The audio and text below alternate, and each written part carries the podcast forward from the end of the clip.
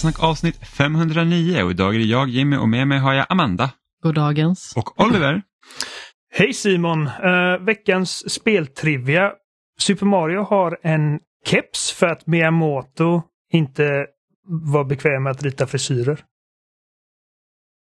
Och har det inte också någonting med att göra att det är kanske lättare att rita upp en kvadrat på nässen istället för hår?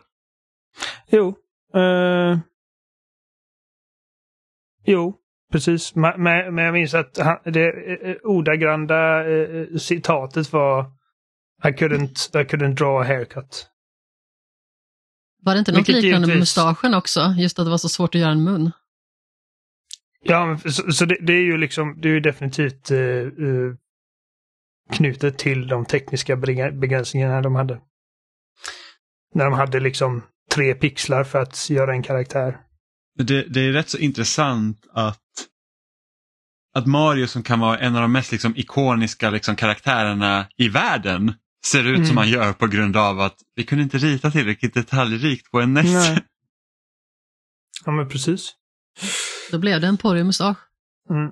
Ja precis och det var också hett vid det, vid det tillfället. Jag undrar om typ så här, någon såg Tom Selleck och bara ah Mario. Möjligt. För Tom Selleck var ju typ the shit på 80-talet. Om jag inte minns mm. helt fel. Säger jag som 90-talist. Men jag vet att Rahul Coley sa det också om sin roll i The Haunting of Bly Manor. Att han kollade jättemycket på hur hans pappa såg ut. Typ under den tidsserien, det är ju på 80-talet. Mm. Och kopierade typ den mustaschlooken. Mm. Och nu är mustasch hett igen. Jättemycket som går runt med mustasch. Han klädde ju faktiskt jättebra i mustasch i den serien som Owen. Ja, det gjorde han. Det gjorde han verkligen. Han kunde också odla en riktigt, mm, liksom... Skulle du säga en mustig mustasch? Ja, en mustig mustasch. En buskig mustasch. Eh, och det är inte det, alla som kan göra. Det är ju inte en, det är inte en ful människa vi snackar om heller. Um, Nej, precis. Han är, han är, han är väldigt, uh, väldigt attraktiv pojk. Ibland har jag funderat på om jag ska liksom raka av med mitt skägg förutom mustaschen bara för att se hur det ser ut. jag, jag tror inte gånger. Och, eh, och Jenny blir alltid helt till sig. På ett dåligt sätt. Hon, inte, inte, hon bara åh, ja. Oliver. det var så viljan blev till.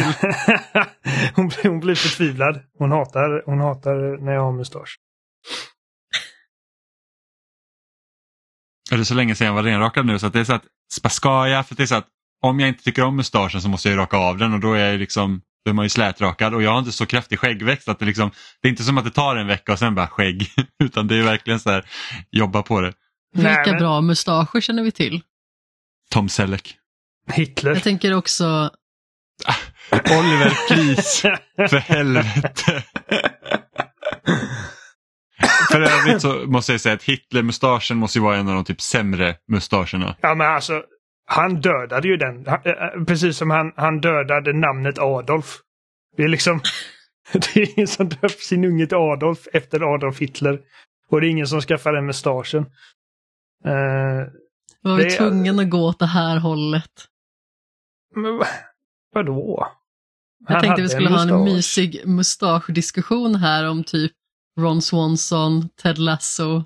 Har vi någon mer? Uh, jag tycker Måste det alltid gå till typ bajs eller Hitler? Peter som gästade oss tidigare har en väldigt trevlig mustasch. Han har en väldigt snofsig mustasch.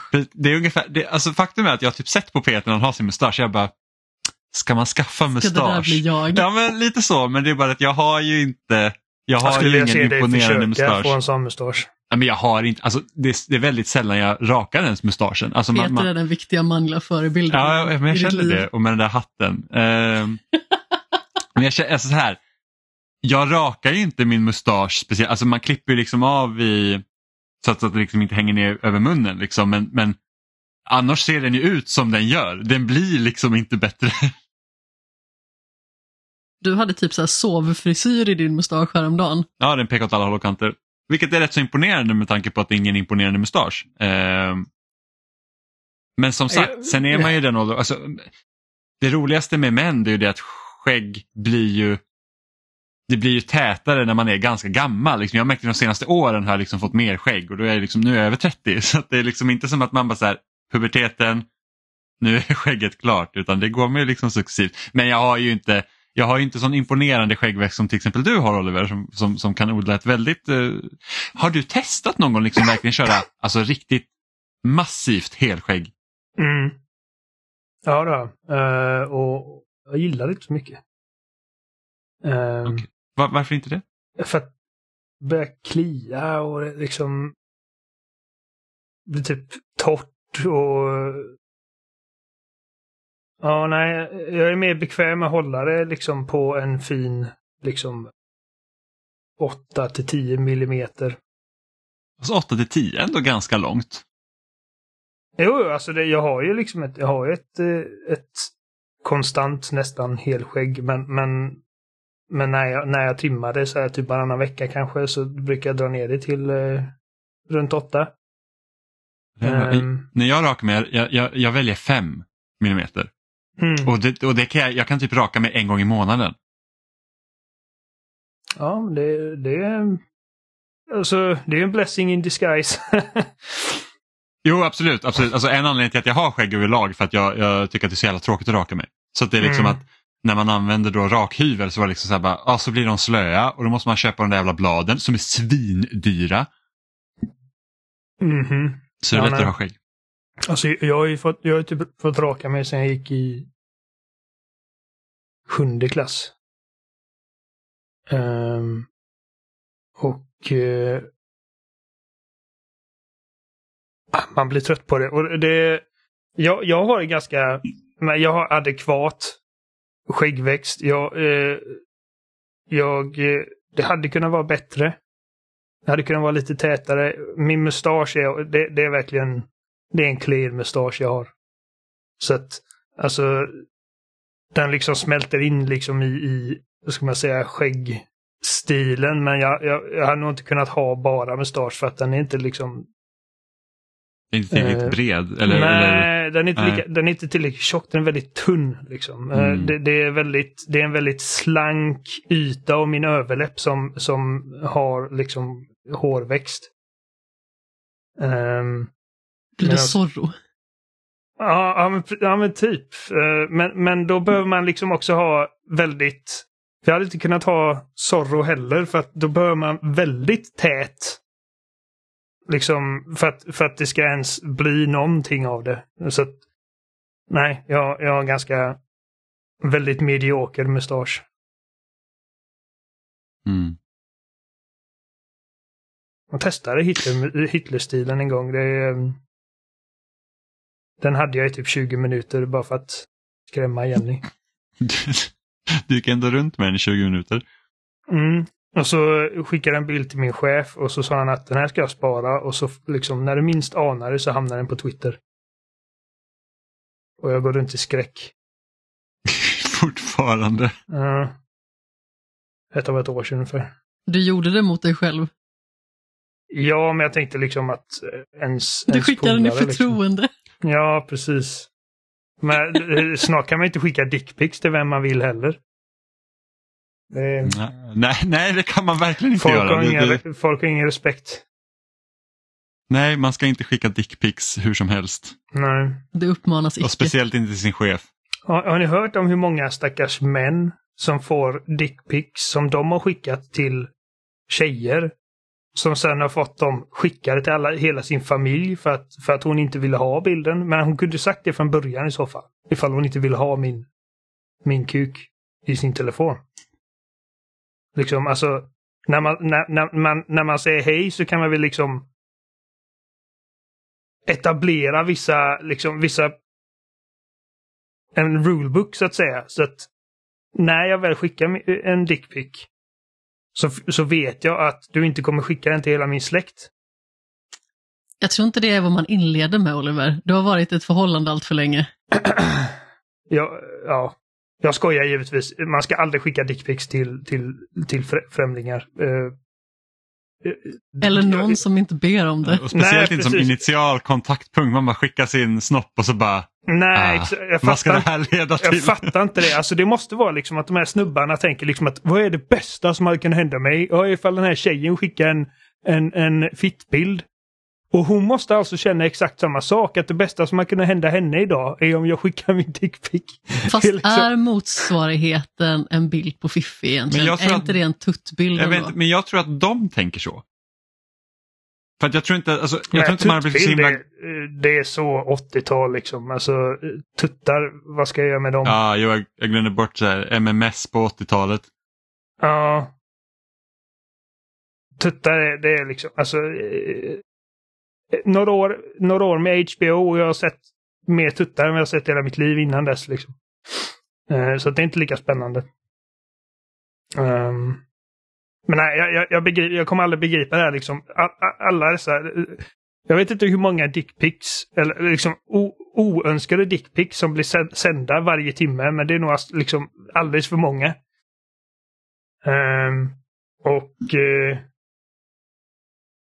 jag menar, ifall, du är, ifall du är en ung kille som lyssnar på detta och inte riktigt liksom har alla hemma. Eh, gör inte sånt. Alltså, de, de vill inte se din balle. De, de, den manliga anatomin är inte lika magisk för kvinnor som den är för... Liksom, alltså, det, de måste lära sig att, att bli förälskad i just din kuk över tid. Liksom. Du kan inte bara skicka en bild på din balle och förvänta sig att bara åh, nu har jag det hemma liksom. Det var det enda jag behövde göra. Det kommer bara sluta i tragedi och sen så kommer hon skicka den till din chef och sen så får du sparken. Um, inte för att jag säger detta för att skydda alla de här stackars männen som gör de här dumheterna, men, men liksom... Vi är här för att utbilda dem. Ja, precis. För en, för en egen skull. För, för jag kan inte tänka mig att alla män som har gjort detta har liksom, ska man säga, malicious intent. Utan ni, ni, är så, ni är bara så jävla dumma i huvudet att ni inte fattar liksom hur, o, hur osexigt och, och uh, olämpligt det är. Det kan, det kan inte vara liksom att alla är liksom genuint, alltså predators liksom. Alltså, det, det måste vara någon form av bara ren jävla dumhet bakom också. Jag har aldrig skickat ja, en dickpic. Jag har faktiskt heller aldrig skickat en dickpic. Eller jo, till min fru. Men jag vet att du Oliver har fått. du Oliver, du har fått ja, en dickpic. Ja, jag har fått, jag har fått från uh, Stefan. Men det var lugnt för att, alltså för att det är en annan sak liksom. Den var inte oönskad. Nej, den var men, inte oönskad. Nej, jag hade precis tagit en liksom close-up på, på, på mitt fishål. Och han, och han ska ju såklart one-uppa. Liksom, han, han, kan inte vara den sämre liksom, i vår dynamik. Uh, och, och så badass Stefan kan inte vara den sämre i någon dynamik. Nej, precis. Och, och jag fick erkänna mig besegrad för att så, så, så badass är jag inte att jag skickar snoppbilder till mina kompisar. Jag tänker att när Stefans son föddes så gjorde han vad han kunde för att bli gravid bara för att han skulle visa att han kunde också. han försökte kläcka ungen först. Mm. St stackars... Eh, Ida. Stackars Ida låg så här i, i, i vad heter det, barnasäng, säger man så? Jag ja, tror det. Alltså. Ja, hon låg i barnasäng i ett dygn. Stefan bara, jag kan göra det snabbare. ja, så jävla seg. Ja. Vad är det för speedrun? Ja, precis. Bakad och född under 24 timmar. Ja. Ja. Nej, så sluta skicka, sluta skicka dickpics. Ja, men Amanda, du, du, som, som kvinnan i vår dynamik här, du, du kan skriva under på detta att det, det, det, är inte vad kvinnor vill ha. Inte i första hand, nej. Nej. Liksom, typ, ett hej. Hur mår du? Uh, vad jobbar du med? Och sen kommer dickpic. ja, precis. Liksom, vad, vad, vad, är du intresserad av? Liksom, vad är dina intressen? Vad brinner du för?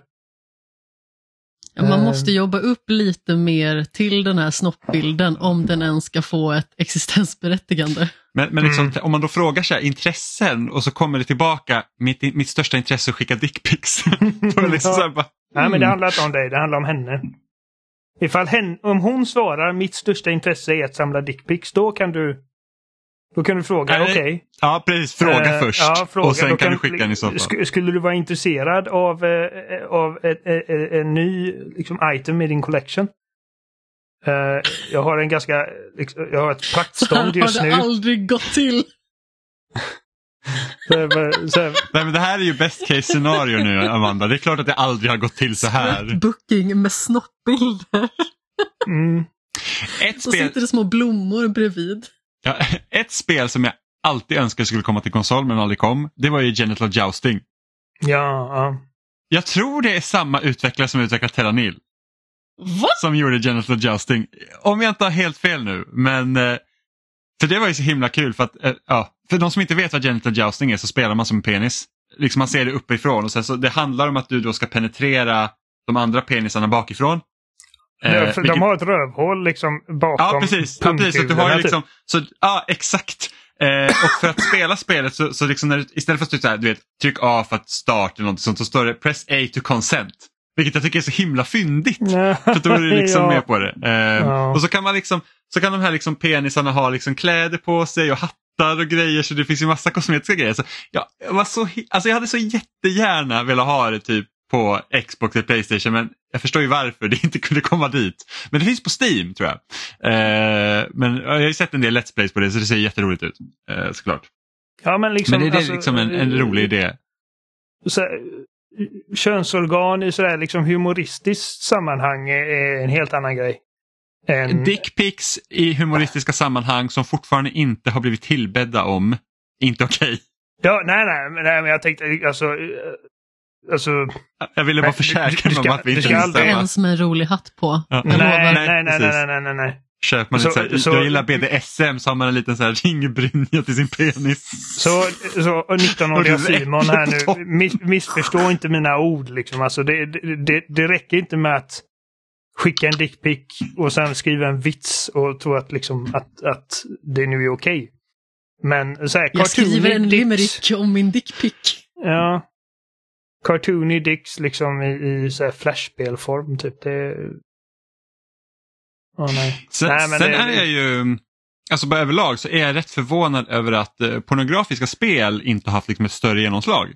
Med tanke på att typ pornografi är ju någonting som liksom gjorde så att VHS slog Betamax och jag tror att det även var en del till att Blu-ray också fick fart även om då såklart Playstation 3 och Sony liksom pushade hårt för Blu-ray men, men just det att porr har liksom varit ganska vägledande i vilka format vi använder. Eh, och att liksom spel har liksom aldrig lyckats slå och det måste ju bero på att spel länge liksom ansågs vara för barn och liksom leksak.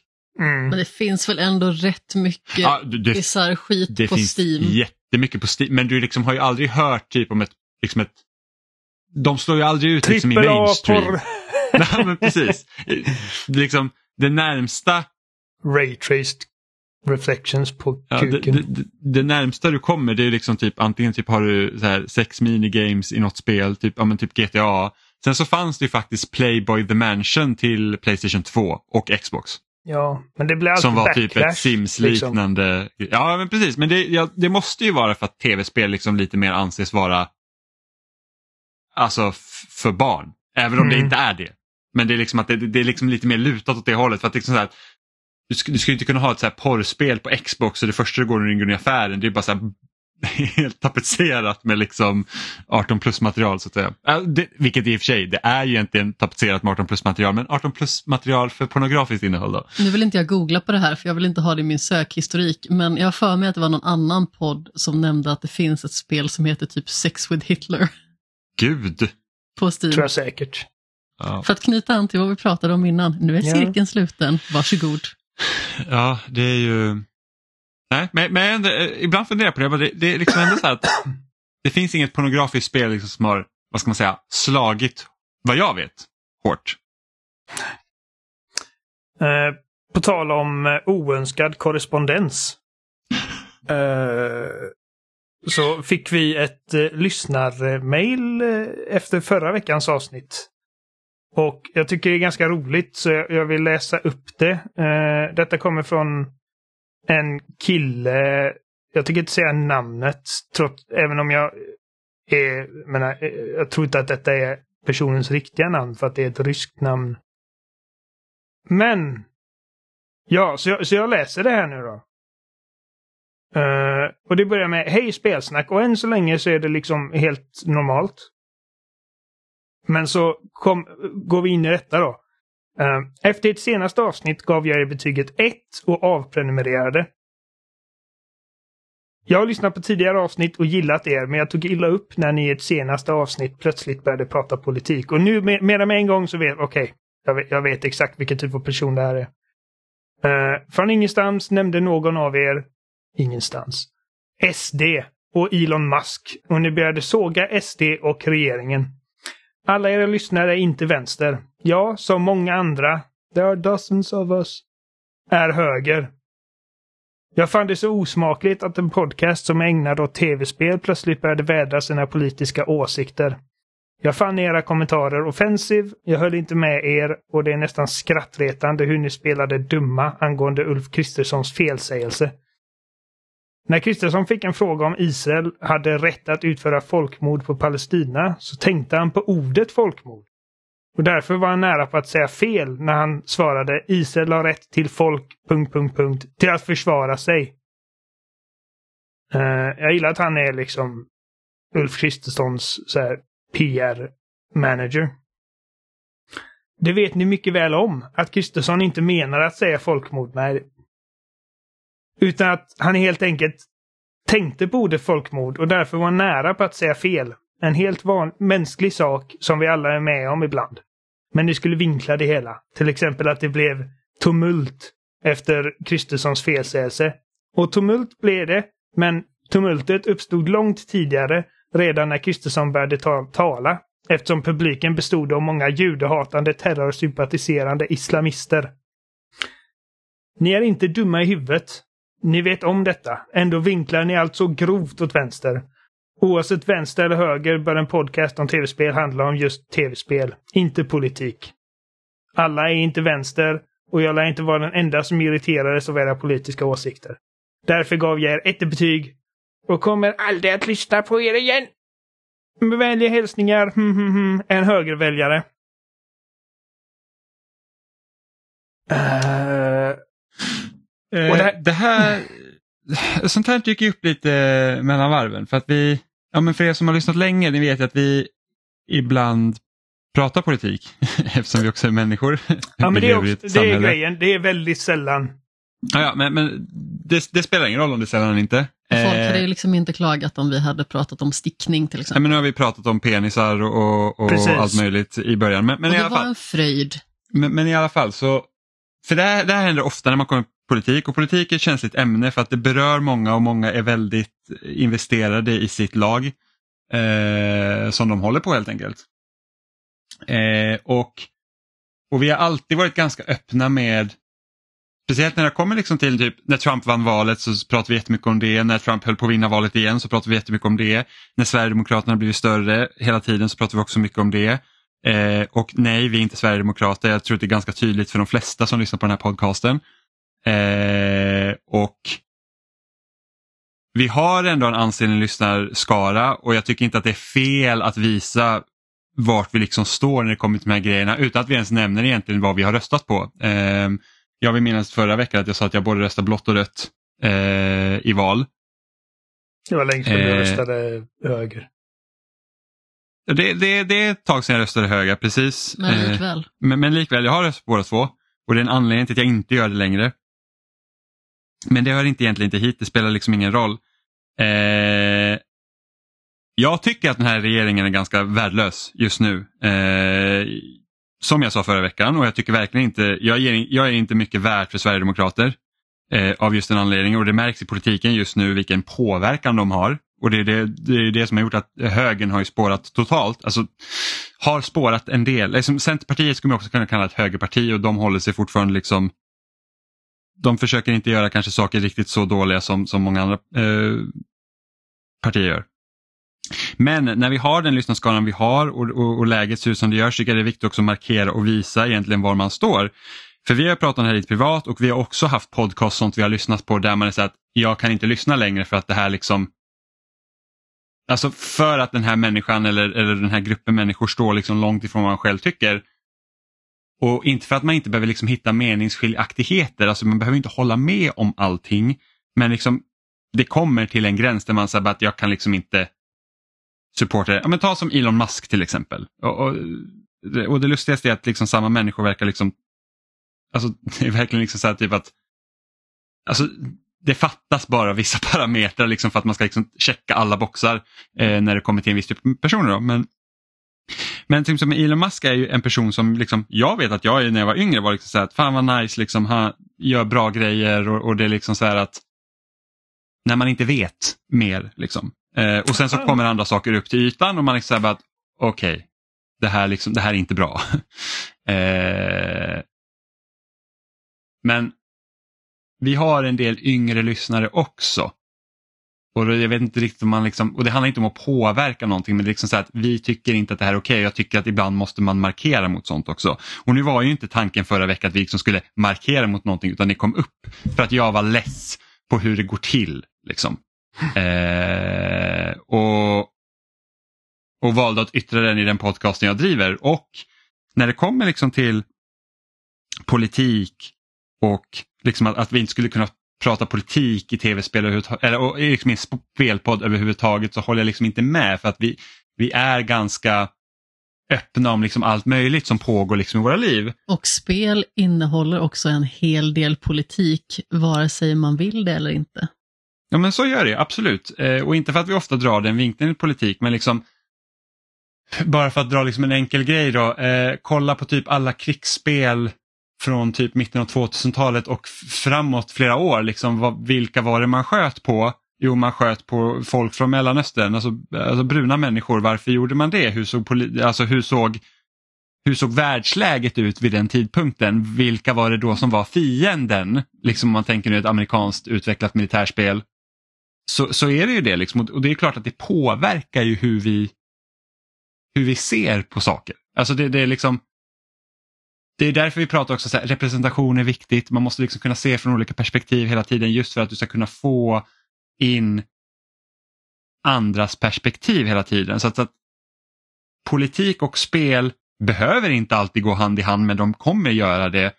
Alltså, all konst överlag går hand i hand med politik för att med konst försöker du alltid säga någonting och man försöker ofta säga någonting om hur världen ser ut som man befinner sig i. Eh, så att precis som alla säger, det är inte konstigt att prata om politik när det kommer till spel. Det vi gjorde förra veckan var inte att prata politik i en spelkontext, men det spelar ingen roll. Eh, det är ingenting jag tänker be om ursäkt för och den här personen behöver heller inte be om ursäkt för, för att han röstar etta och inte vill lyssna på oss längre. Det, det är han helt, alltså det får han så, såklart göra. Det är inga problem. Eh, men jag, jag håller absolut inte med om att det ska vara osmakligt att ta upp politiska grejer i en spelpodd. Eh, om man inte klarar av att höra någon som tycker olika då behöver man inte lyssna. Och då kanske man gör bäst i att inte lyssna. Eh, eller så kanske man gör jättebra i att fortsätta lyssna. Det, det vet inte jag men, men så, så, kan det också vara. Att man För att visst, vi behöver också utmanas liksom, och, och, och åskådningar, liksom, över politiska åskådningar, vad man tycker, för att man kan inte ha koll på exakt allt. Men som sagt, alltså, Sverigedemokrater det är liksom, nej, det, det, det, är ingenting jag vill befatta mig med och jag tycker att det är ett riktigt ruttet parti och jag liksom tänker inte sätta på mig skygglappar och låtsas annorlunda för att någon blir obekväm. Utan det är liksom att de växer och blir större, det är för jävligt. Alltså det är riktigt vidrigt.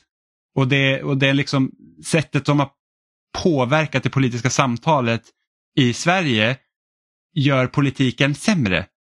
Det är liksom, för att tittar man de senaste liksom valdebatterna och sånt, vilka frågor som lyfts upp, alltså det, det är liksom, ibland undrar man okej okay, men finns det någonting annat politikerna vill göra än att liksom låtsas vem som ska kunna liksom ge ut hårdast straff för barn eller liknande. Det är liksom, det finns, det är bara snabba lösningar hela tiden. Det är det som gör det så himla irriterande. Det finns liksom ingen vision för vad man vill göra. Om man inte då kallar Sverigedemokraterna att stänga landsgränsen och typ ta bort, jag vet inte, religiösa symboler som inte är kristna från stadsbilden och, och, och stänga moskéer då som kan ha islamister och bryter typ mot flera grundlagar om de skulle göra det. Så att, jag vet inte. Men det är liksom, jag, jag tycker, jag har ingenting emot att säga vad jag tycker i den frågan och jag kan också tycka att det är viktigt att folk vet det som lyssnar på podcast, att vi inte står bakom det. Det, det är för jävligt helt enkelt. Det är inte första gången vi har fått liksom backlash för att ha uttryckt oss i den här bemärkelsen. Eh, Samma har... sak när vi pratade om Black Lives Matter faktiskt. Vad jag minns. Ja, yes. jag, jag kommer inte ihåg de specifika. Nej men det var, och det, det här är flera år sedan, men det, det, var ju också så här att...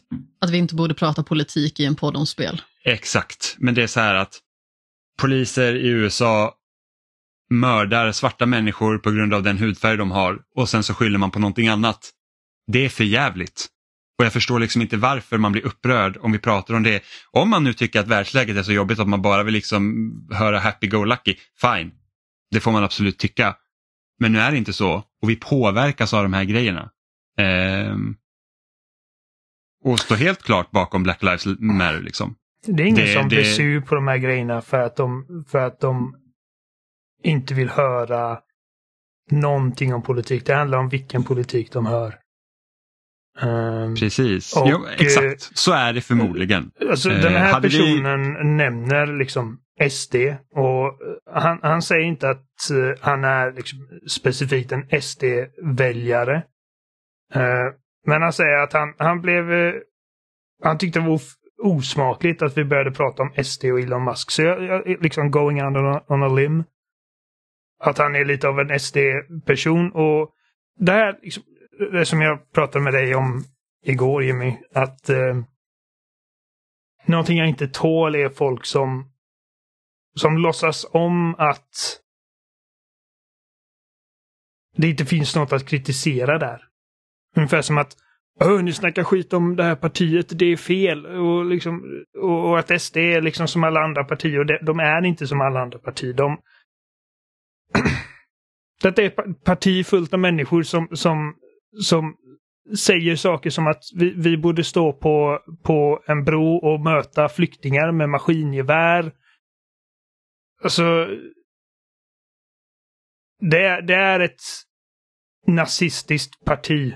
Även om de inte säger det liksom idag. Uh, liksom, och, och det, det, är såklart att även partier på vänstern har liksom ett, ett liksom grundligt eller grumligt förflutet. Alltså världen såg väldigt annorlunda ut när alla de här partierna grundades. Men man behöver liksom inte titta bakåt länge i SDs historia för att hitta riktigt, alltså vidriga saker. Och jag fattar inte hur man... Alltså okej, okay, om, om, om, om du råkar vara en nazist, så visst, så rösta på SD, men låtsas inte som att som att de inte är vad de är. Och just det, det, är precis, liksom... det är precis samma sak som vi sa med liksom Trump. Liksom det här med att är alla människor som röstar på Trump dåliga människor, rasister etc. Nej, men de vet vad de röstar på. Alltså du vet vad du väljer bort och ser förbi när du röstar på det. Det är samma sak med Sverigedemokraterna. Även om du inte är rasist, nazist eller vad som helst. Du vet vad du röstar på. Det, liksom finns, det kan inte ha undgått någon vad det är. Och det är liksom det som, som jag personligen har svårt att smälta. Det är liksom så här att du vet precis, alltså. Jag, det parti, alltså de gillar verkligen inte muslimer. Det är egentligen det det grundar i. Mm. Och, och, och de ska liksom... Jag gillar inte judar heller. Men, Nej, men, de, men, de, men just nu, de, de, nu de, de hatar muslimer lite mer. Ja, precis. De hatar muslimer lite mer. Eh, och, och det blir så, för att, så jag håller på med marknadsföring, marknadsför grejer eh, på sociala medier och sånt. Och vi försöker, vi, vi jobbar aktivt med att visa upp liksom olika typer av människor.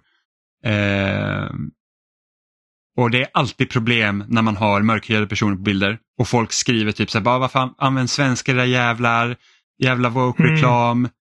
Du vet, och det är så bara, Okej, okay, men alltså de här bilderna som vi hämtar från vår gratis bildbank, ingen av våra människor här är oftast svenskar.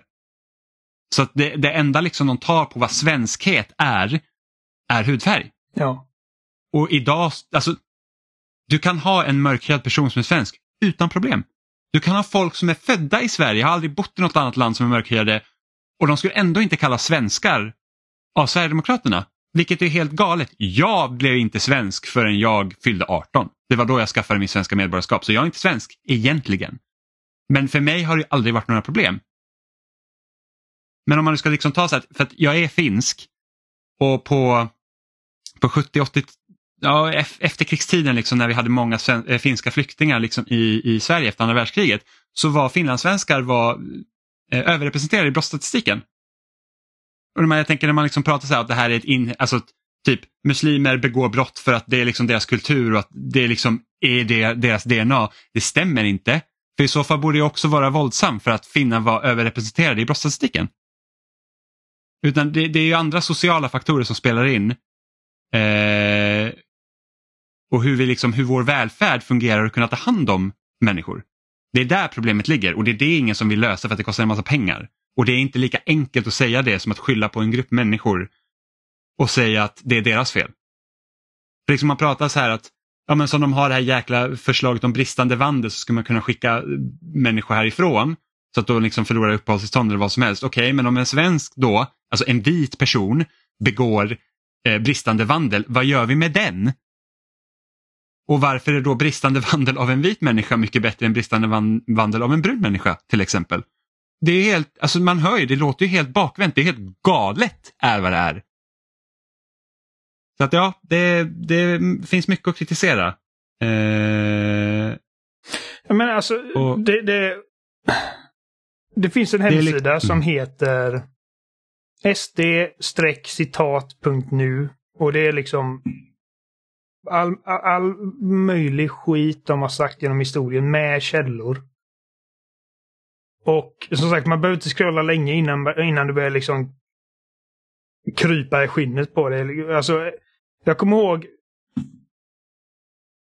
Vad fan heter han? Kent. Inte, inte den Kent, men Kent annan. Ekeroth. Inte e Ek, Han är också ett jävla mm. mongo. Alltså... Men Kent Elfstrand. Ja, ja, det var någon SD-politiker. Jag vet inte om, om han är kvar. Förmodligen inte för att de, de behöver göra sig av med de här idioterna för att kunna tas på allvar. Men liksom det här var någonting, när han var, var på SD, som jag förstår det, så, så skrev han de här inläggen som What happened to the, och jag tycker inte ens, för att han använde n-ordet, jag tycker inte säga det. What happened to the n-word who had an abortion? Crime Stoppers sent her a check of 500 dollars. Uh, how do you stop a n-word from drowning? Take a foot off the back of his head.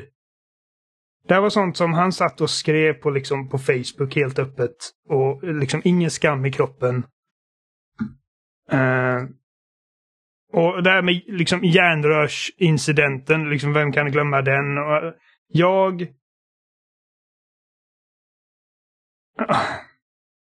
Så att muslimer kan inte vara svenskar. Och ett jävla gnäll det blev när SVT hade något reportage om muslimska svenskar som firade midsommar. Bara, är det här vad vi betalar för? Se de här jävla eh, blattarna eh, dansa runt stången som om de, de låtsas smälta in. Liksom, de vill inte att de ska, liksom, att de ska bli integrerade. De vill, bara, de vill inte ha med dem att göra överhuvudtaget. Mm. Uh, och de säger att ja, alla muslimer vill bara döda, eh, eh vill döda bögar. Men sen i ett, nästa andetag så säger de att Pride eh, är liksom starkt knutet till eh, pedofili. Alltså du, du som skrev den här, fuck you.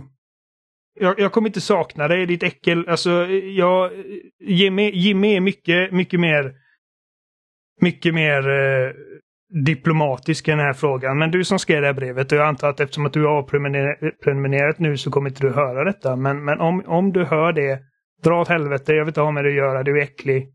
Om, om, om, alltså, ju färre människor vi har av dig i samhället desto bättre, ärligt talat. Så lyssna inte. Vi, vi, vi, har gjort detta i, vi, vi, har, vi har gjort den här podden i, i många år nu. Sen, ja, vad är 12 år? Över 12 år. Vi har inte massiva lyssnars, eh, lyssnarsiffror. Eh, liksom, just där, någonting som, som är roande för mig är folk som tror att ah, jag slutar lyssna och att det är liksom någon sorts lose för oss. Det, det, är, in, det är ingen förlust. En eller mer, liksom, en mindre eller mer lyssnare som inte kan ta liksom minsta lilla kritik. Tänk om jag, om jag hade sagt det som jag sa nu förra veckan. Jävlar vilket liv det hade varit. Den här människan hade ju, hade ju fått spader. Ja men så här, vi, vi ska inte heila på en video för att det ger oss fler tittare, om man säger så. Nej, absolut inte. Men, men, men, vi gör inte ens detta för tittare. Liksom, vi gör detta för, eller nej. Vi gör detta för att vi, för, att det, för att vi tycker om att göra det. Och sen är det jätteroligt när folk faktiskt lyssnar och vi älskar att höra från, från lyssnarna när ni, när ni kommer med era tankar. Uh, och jag menar, till och med detta var roligt att läsa liksom. Alltså, uh, det var kul, så, så tack för, tack för mejlet. Men just det här liksom att Åh, nu har ni förlorat en lyssnare liksom. Alltså, jag bryr mig verkligen inte. Det kan ju tilläggas också att vi har fått positiv respons på sånt här också. Så sent som på förra veckans avsnitt. Ja. Och, och som sagt, det, det, är lätt. Det är såklart att folk som håller med oss, som står på, liksom, på vår sida av spektrat i det politiska landskapet, kommer såklart inte ha något problem med detta. Jag har aldrig hört varje gång folk säger att ah, eh, spelpodcast borde inte handla om politik så handlar det bara om folk som inte gillar den politik som pratas.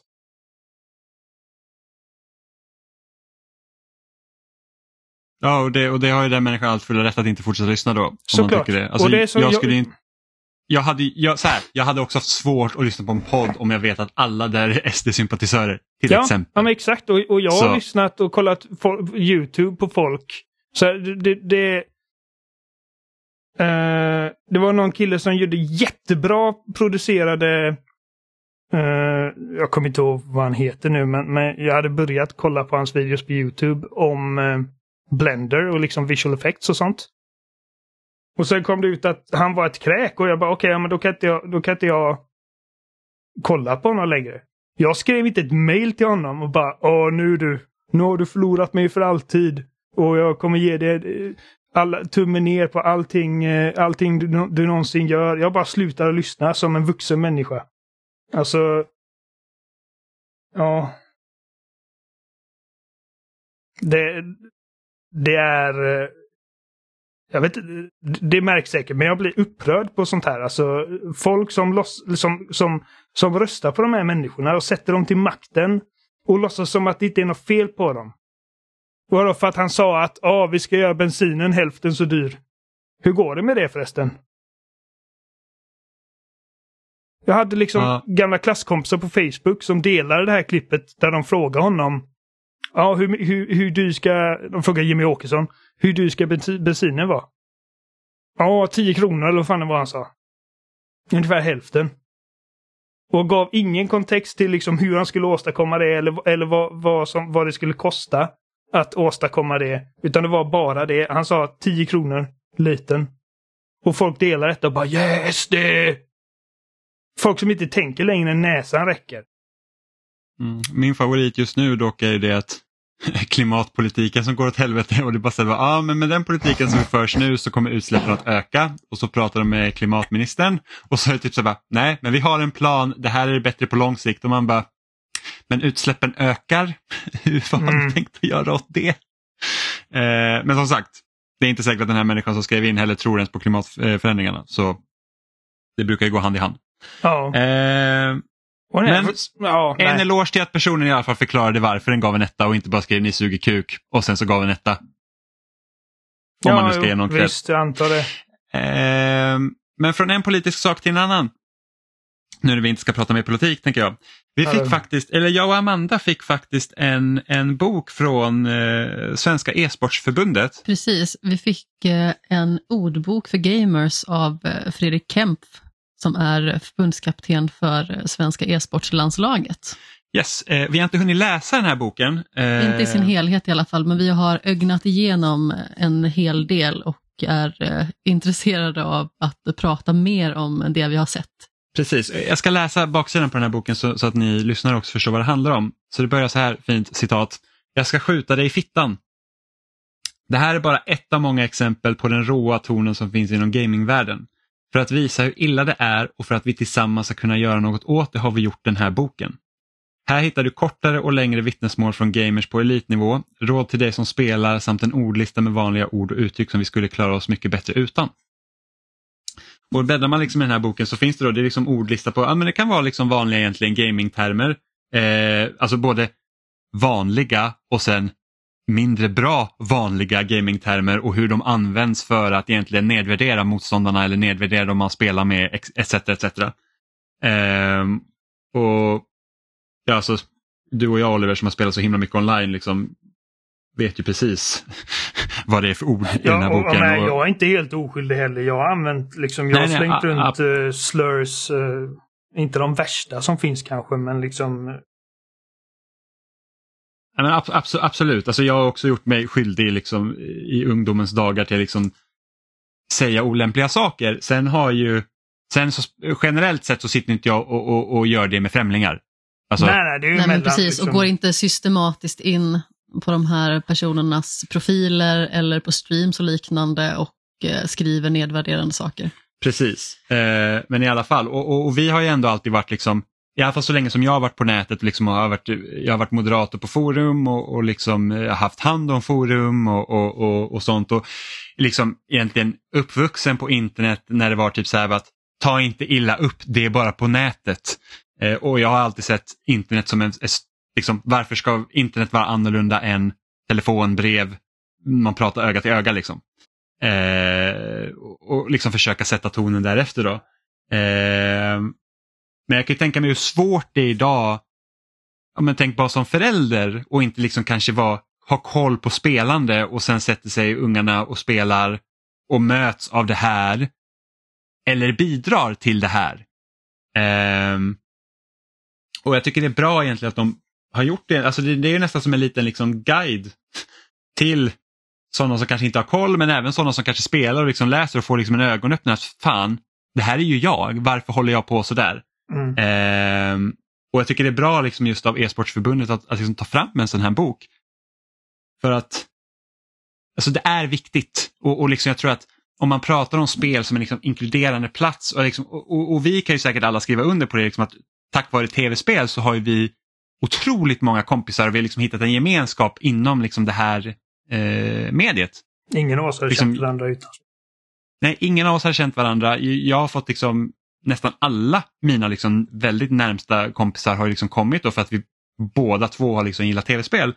Eh, men när man liksom tänker då hur, hur sånt här språk brukas liksom online och sånt och, och då kan man ju tänka att idag är det så lätt att träffa andra människor online så är det en väldigt stor inkörsport till att faktiskt få kompisar genom att bara spela tillsammans. Så det är ju väldigt tråkigt om det är det här man möts av och hur mycket personer som kanske säger att nej men jag vill inte spela online för det här vill inte jag ha med någonting att göra. Eller mm, jag vill inte spela igen för att det där vill inte jag ha någonting med att göra. Alltså vilken stor förlust det är för liksom, alltså, hela, hela spelcommunityt egentligen. Liksom att det försvinner folk på grund av den anledningen till att folk beter sig som svin. Och vi har ju mött alltså, flera svin när vi har spelat. Liksom som att om inte du och jag till exempel hade spelat tillsammans Oliver så hade man ju verkligen blivit ganska nedslagen liksom för att man, inte haft varandra att stötta sig på. Ja. När det kommer till folk som beter sig riktigt, riktigt vidrigt. Um, det är lätt också för, de... för oss som är vita män att inte ta åt oss lika mycket som man gör när man Exakt. blir liksom uh, harassed enbart för att man råkar vara kvinna.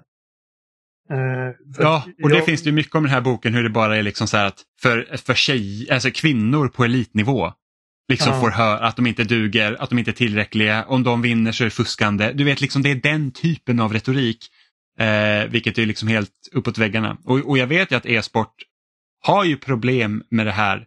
Eh, jag vet inte hur det ser ut i Sverige, men jag vet att det var något koreanskt lag tror jag, som där, där liksom typ ett helt lag bara vägrade spela med en kvinnlig spelare som typ var bäst i, i landet på något spel. Och det var liksom bara, but why? Hur skulle man inte vilja spela med den bästa spelaren? Liksom? Bara på grund av att hon är kvinna. Så det, det, är liksom, eller typ ta, ta Ninja när han inte kunde då spela med, med en kvinnlig streamer för att hans fru skulle bli avundsjuk. Liksom bara, liksom, och då kan man ju tänka sig att det kanske inte låter så grovt. Men bara det att man yttrar de grejerna, liksom, att nej men hon är kvinna, jag kan inte spela för det för att det kan typ bli problem hemma. Det är liksom bara så här, what? Alltså, det bidrar ju också det den här säger väl liksom... liksom mer om hans relation än om att ja, spela ja, med den kvinnan. men också det liksom att Känner jag. en sån stor streamer, störst i världen, om, jag vet inte om han är det fortfarande, men han var det då. Liksom att, vad sänder det ut för signaler? Nej, precis. Liksom att du kan inte spela med kvinnor om du är män. Liksom. Och då har du ändå ett, ett, ett medium där där många som liksom spelar online då, eller den här typen av spel är män. Eh, liksom tittar man på statistiken så är det egentligen 50-50 men jag skulle nästan tro att folk som spelar online i alla fall liksom mer röst och sånt fortfarande kan vara liksom till en stor majoritet del män för att på grund av det hektiska liksom sam, samtalet. Eh. Jag har ju varit väldigt förskonad när det gäller sånt här just på grund av att jag spelat ganska så lite över nätet. Och när jag väl har gjort det så har jag ofta spelat med vänner som jag redan har etablerat sedan tidigare. Eller för den delen så kanske jag spelat sånt där kommentarsfält liksom inte har varit lika närvarande och jag spelar liksom inte med folk och prata med dem när jag inte känner dem. Men jag vet ju själv hur det är liksom att bli utsatt för alltså, trakasserier eller någon form av mobbing i verkligheten. Där jag har fått ta emot ganska så mycket elakheter från ganska så ung ålder och liksom även i vuxen ålder och det tar ju, även om det är saker som verkligen inte är personliga, så gör det liksom otroligt ont. Och jag fick en kommentar för ett tag sedan som kanske inte var så jättepersonlig. Eh, och den var inte jätteelak egentligen, utan den var mest väldigt klumpig. Och det var också i en kontext som var väldigt känslig. Tänk om det hade varit en annan person som hade varit i ett jättekänsligt läge men ingen visste om det. Tänk om det är en person som helt enkelt far otroligt illa av att man fäller en sån kommentar och det är samma sak på nätet. Det kan vara att den där kommentaren är den där sista lilla droppen som får bägaren att rinna över till att personen begår självmord till exempel. Eller gör något annat form av självskadebeteende eller dylikt. Jag tror att man verkligen måste tänka efter hur man behandlar andra människor i en mycket större utsträckning för att även om man liksom inte kanske är den mest elaka personen, säger de mest elaka sakerna, så kan det just vara ens kommentar som gör liksom den slutliga träffen som får det att rinna över totalt. Så att verkligen tänka efter ett steg längre hur man hanterar andra människor, hur man behandlar andra människor, oavsett om det är på nätet eller liksom i verkliga livet. Det är så otroligt viktigt. Och framförallt också att om man säger någonting som man tänker i efterhand att jag kanske inte borde ha sagt sådär, eller var det verkligen rimligt av mig att säga på det sättet? Fråga personen om den blir ledsen. Fråga personen om den blir upprörd. Eller rent av om du vet att du har sagt någonting som inte är rimligt, be om ursäkt och visa att du verkligen menar det. Och det är kanske svårare att göra i en faktisk internetkontext. Även att det inte är omöjligt. Men om man får den här uppenbarelsen av att jag har faktiskt gjort någonting som inte är bra, visa att du faktiskt har lärt dig någonting av det också. Jo, du och jag Oliver, vi gjorde liksom en sån grej att typ, det var ju någon som, om det var när vi spelade Gears tror jag, eh, och det var någon som var riktigt jävla vidrig alltså och skrev liksom personliga meddelanden till oss. I dreams for tears. Var... Ja, nej det var inte I dreams for tears, det var ett riktigt jävla svin, han var obotlig.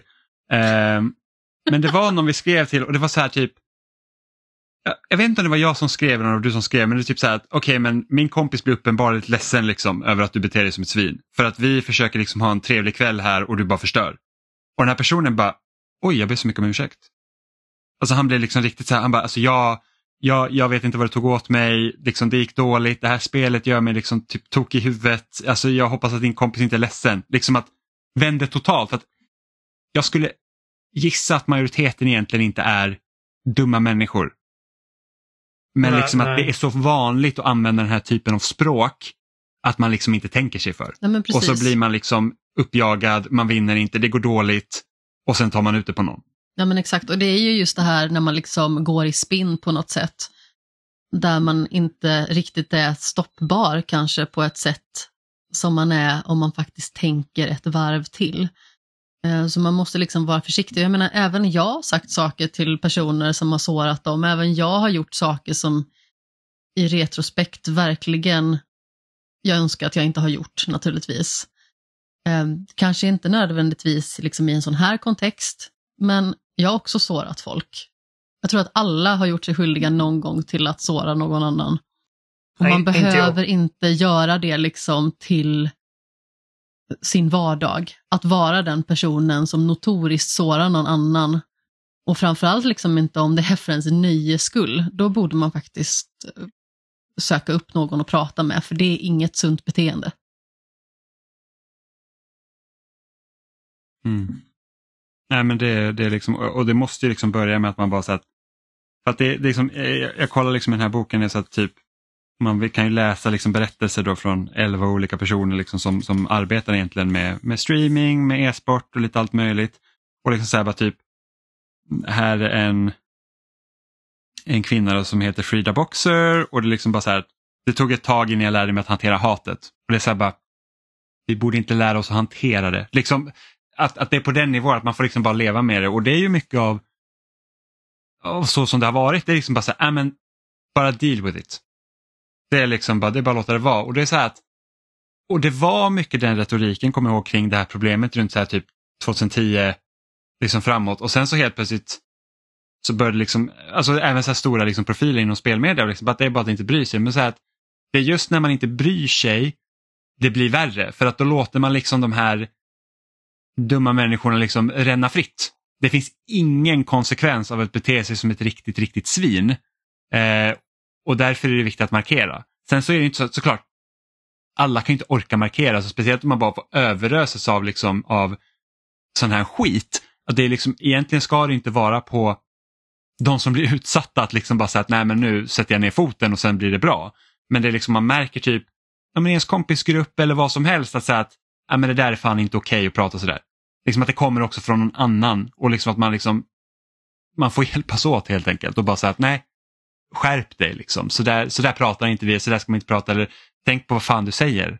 Precis, eh. och sånt här börjar ju också i ganska så låg ålder ibland. Och jag vet ju själv liksom när jag var barn och stötte på fenomenet att en lärare sa till mig att ja, men den här personen säger bara det här till dig för att den tycker om dig.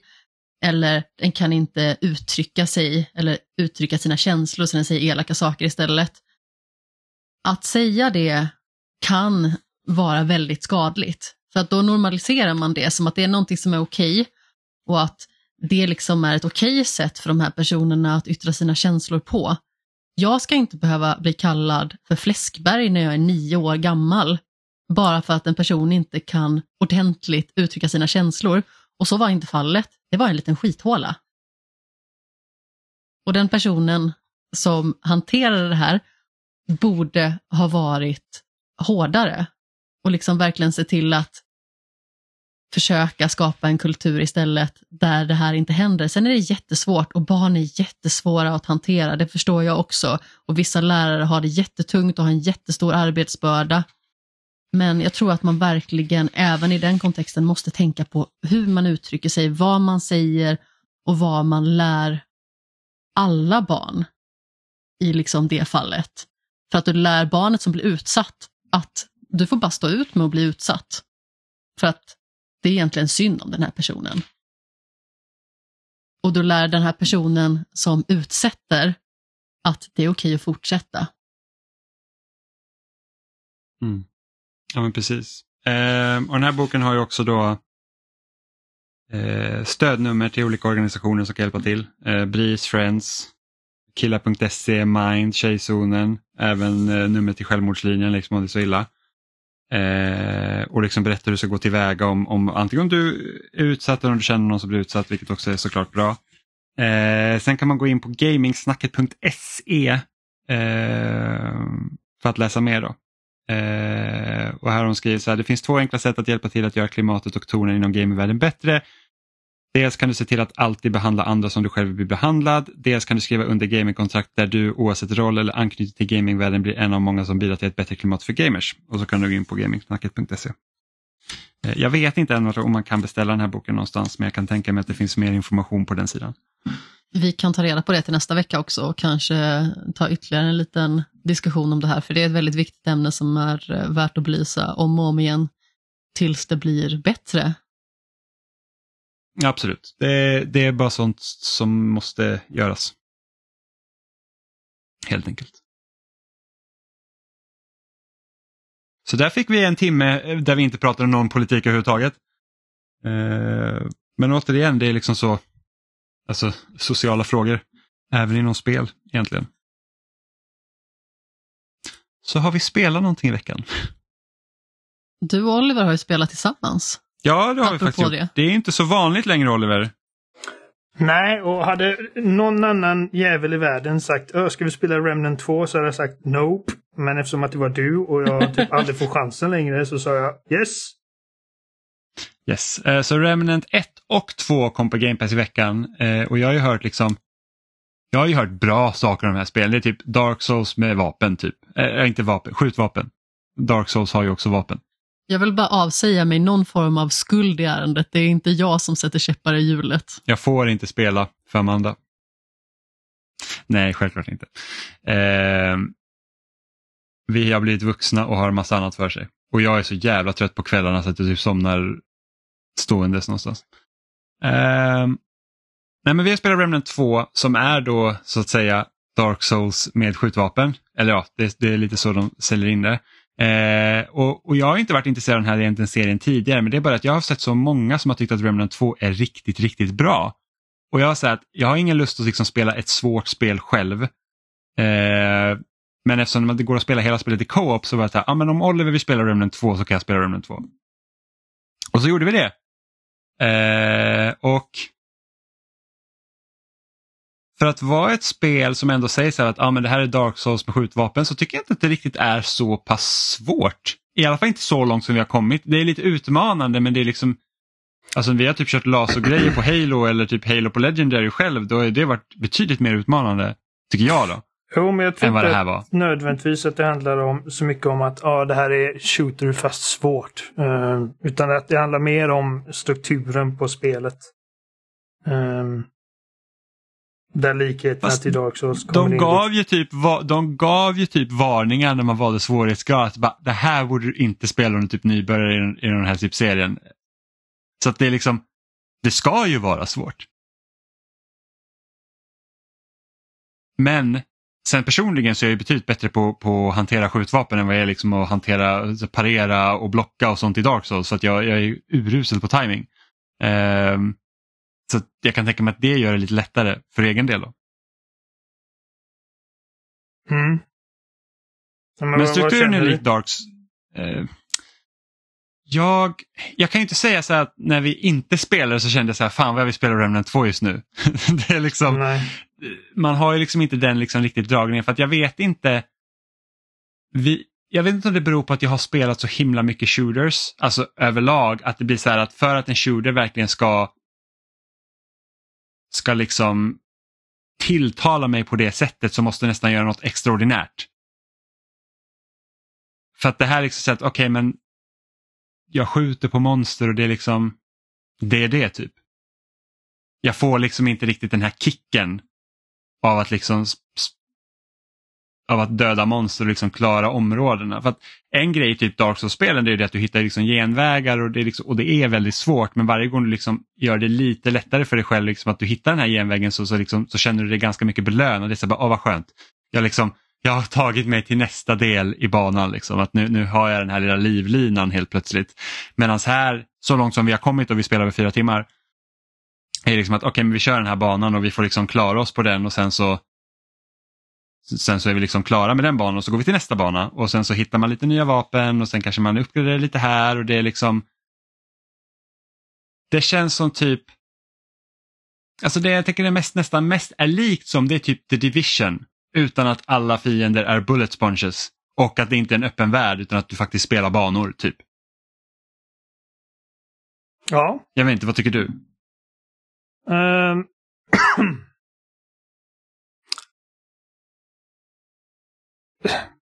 kommer tänka lite på Outriders. Inte för att de har jättemycket gemensamt men, men liksom co-op shooter med olika abilities och klasser. Um, och som sagt, alltså Dark Souls-likheterna liksom hamnar med att du har ett liksom checkpoint-system som är väldigt snarlikt. Att liksom du har kristaller istället för bonfires. Men när du vilar på dem så får du tillbaka ditt liv och din ammo, men alla fiender kommer tillbaka på banan. Eh, och det är inga checkpoints mellan de här olika. Och sen har du liksom bossarenor och du plockar på dig massa olika resurser som gör olika saker. Det är inte alltid liksom superklart vad de gör till en början. Liksom som din hälsa är typ någon form av kallas Dragonheart och liksom det, det är väldigt så här, typ specifika namn. Alltså naming conventions på, på de olika grejerna. Um, jag tycker att jag tycker att det är ett okej okay spel. Och eh, mm. jag vet inte riktigt hur mycket mer jag har att tillägga egentligen för att jag eh, vi spelade och vi har liksom... Eh, så hade jag spelat det själv. Så, som sagt, för mig handlar det mycket om att ah, jag, jag, bara, jag får spela någonting med Jimmy. Men du brukade vara, alltså, du brukade vara min, liksom, alltså, min livslina. Alltså, en dag då jag inte fick spela med dig sög. Uh, och uh, som sagt, det är inte så ofta det händer längre så att jag, jag, liksom, jag hoppar på de chanser man får och, och, att det blev just det här spelet spelar inte så jättestor roll. Jag, menar, jag hade kunnat spela lite vad som helst egentligen. Um, så att för mig handlar det mest om den delen. Jag, jag, jag hade inte spelat det här själv. Inte för att det inte är ett bra spel, för att jag, jag, jag, känner folk som tycker att det är riktigt jävla bra, som, som älskar det här spelet. Och jag tror säkert att liksom, hade jag verkligen gjort en ansträngning liksom att ta mig in i det mer än att bara slöspela det som jag gör nu så hade jag kanske liksom hittat de här lagren av spelet. Man liksom börjar skala tillbaka dem och hitta liksom djupet och, och tjusningen i det. Um, men just nu blir, blir det mest liksom att jag, jag bara går dit du går och jag skjuter på det som springer mot mig. mm. Uh, jag hänger inte typ riktigt med i storyn. Nej, storyn känns ju inte så här jättespännande och det känns liksom allt, alltså många av systemen känns också lite så här, nästan lite för invecklade vid en första anblick så att man liksom, jag tycker om när jag ser på en sak, så okej okay, jag fattar det typ på en gång och sen kan man gå vidare efter det. Mm. Än att det liksom blir så att Aha, och vad gör jag med det här? Och nu fick jag en tutorial-meddelande om det här som jag inte ens har än och det liksom blir lite diffust. Um, men jag undrar också i det här spelet, vad ger det att fiender spanar om när du liksom restar vid en checkpoint? Finns det där enbart för att det ska vara likt Dark Souls eller liksom fyller det något högre syfte? För att du får ju inga, vad jag vet, typ valuta när du dödar fiender som du sen kan använda. För det är ju en del i, i, liksom i From Software-spelen, det är så att du dödar massa skit som du kan uppgradera med. Dör du så förlorar du det och då måste du gå och springa och hämta det igen. Eh, och, och eftersom du ska springa och hämta det igen så får du döda massa fler fiender vilket gör att du potentiellt kan ha då mer souls, blood echoes, whatever än, än när du dog senast. Och sen uppgraderar du det med det. Här är det inte så. Här är det så att vi, vi, vi, vi vilar och sen så får vi springa igenom och döda samma fiender. Och why? Liksom, den biten tycker jag är lite dryg. Och jag vet att det är typ många indiespel de senare åren som har liksom kört lite samma grej. Det här med att du liksom vilar vid en checkpoint och sen så får du döda alla fiender igen. Och, och de riktigt inte ger dig någonting för och då är det så här. Okej okay, men är det nödvändigt att jag måste typ döda allt igen bara för att? Eller? Så att jag, jag, det är det jag lite undrar här också. För typ, men får man med... inte så här, alltså av, inte av alla fiender kanske, men, men jag, jag känner att jag liksom fått scrap och sånt när jag dödar fiender som man kan uppgradera sina vapen med. Sure, alltså det är kanske det som är liksom hooken. Jag tycker dock inte att det är speciellt kul då. Alltså det är så att okej okay, men visst vi kan få lite mer material till att, till att liksom uppgradera vapen och sånt och fine. Det, det, det, det kanske egentligen är typ samma sak. Men det är så att uh, det, det är liksom då hade då hade jag nästan velat haft ett annat system så att okej okay, men nu behöver jag forma lite scrap. Nu kan jag välja att göra det än att liksom vi springer fram och tillbaka. Men det, det är väl bara för att jag kanske känner att det drygar liksom ut speltiden kanske i onödan då. För att, för att i, i, i From Software-spelen så är det också så här att när du dör så kan det också vara väldigt svårt. Liksom det är bara, åh gud vad svår den här delen är. Nu måste jag liksom försöka ta mig, jag liksom få lära mig att ta mig igenom den igen. Men så här är det så här, okej okay, men fienderna är liksom rätt så enkla att döda många gånger. Så det är liksom bara så att det blir lite dödtidskänsla känner jag. Mm. Men det var väldigt kul att spela att umgås i, om man säger så att vi liksom kunde sitta och prata och spela samtidigt, liksom utan att vara så att okej okay, nu är det fullt fokus. Så på det sättet var det ju liksom kul att spela tillsammans, att man kan spela co-op tillsammans utan att det är så här det mest invecklade systemet någonsin för att ens kunna spela tillsammans med någon. Är positivt. Ja, jo. Men som sagt, jag vet inte hur mycket vi, alltså vi kommer säkert spela lite mer av det, liksom se vart, vart det bär hän. Men en sak, jag, läste en sak som faktiskt var ganska cool. Det är det att spelet har två olika storylines. Och du får inte välja den i början när du startar spelet. Utan du får den slumpgenererad till dig. Okej. Okay. Så att, så att när, du skap, när du rerollar en ny karaktär så kan spelet vara liksom ganska mycket annorlunda än vad det var första gången du spelade. Så det tyckte jag ändå var en ganska rolig grej. Så man var så här, oj, det var typ jag vet inte om det var typ helt andra fiender och så men det var liksom så här, storyn ändrade sig och det var liksom, det var, det var en du kanske får besöka helt andra platser och grejer. Så det, det var liksom så här, ja men det är ju ändå, det är ändå rätt så spännande då, speciellt i en genre där folk spelar om de här spelen typ titt som tätt liksom, och, och hur som helst och bygger olika builds och grejer. Så det var häftigt. Men jag kommer inte spela det flera gånger än en om jag, om jag klarar ut det. Det vet jag med mig. Det kommer förmodligen inte bli men, men bara att det, liksom, att det är så, det var rätt så coolt faktiskt. Sen musiken är rätt så bra. Jag, jag, jag diggade soundtracket direkt. typ. Jag bara, fan det här låter nice. Ja, och soundtracket är rätt bra. Mm. Har du spelat något annat Oliver? Uh, jag har börjat spela om uh, Gears of War-serien med Adam. Uh, jag mm. har bara varit liksom sugen på bra co-op och detta var innan du och jag spelade så att det här är inte någonting som jag hoppat in i bara för att det jag gjort med dig inte duger. um, jag, bara, jag, jag bara kände liksom att fan, fan vad jag, jag börjar bli riktigt redo på Gears 6 nu. Mm. Och jag vet att jag och Adam spelade igenom den serien eh, för ett par år sedan och eh, jag minns att jag, jag slogs av hur roligt det var att återbesöka de spelen. Och det är kul liksom att, att spela dem back-to-back och se liksom hur saker har utvecklats och även titta på hur saker har åldrats. Och eh, tänka lite extra på men jag tycker att Gears of War har, har väldigt intressant minimalistisk worldbuilding. Liksom särskilt det första spelet. Eh, för vi pratade om det i Remnant, liksom att det är ganska mycket dialog och många karaktärer. Och liksom, det här är säkert någonting som, som är mer begripligt ifall man har spelat det första spelet. Eh, men liksom, jag hänger inte med alls som snackar om olika karaktärer som om man, vi ska veta vad det betyder för någonting. Och liksom, olika platser och massa lore. Och, mycket snack och jag bara, alltså det här är liksom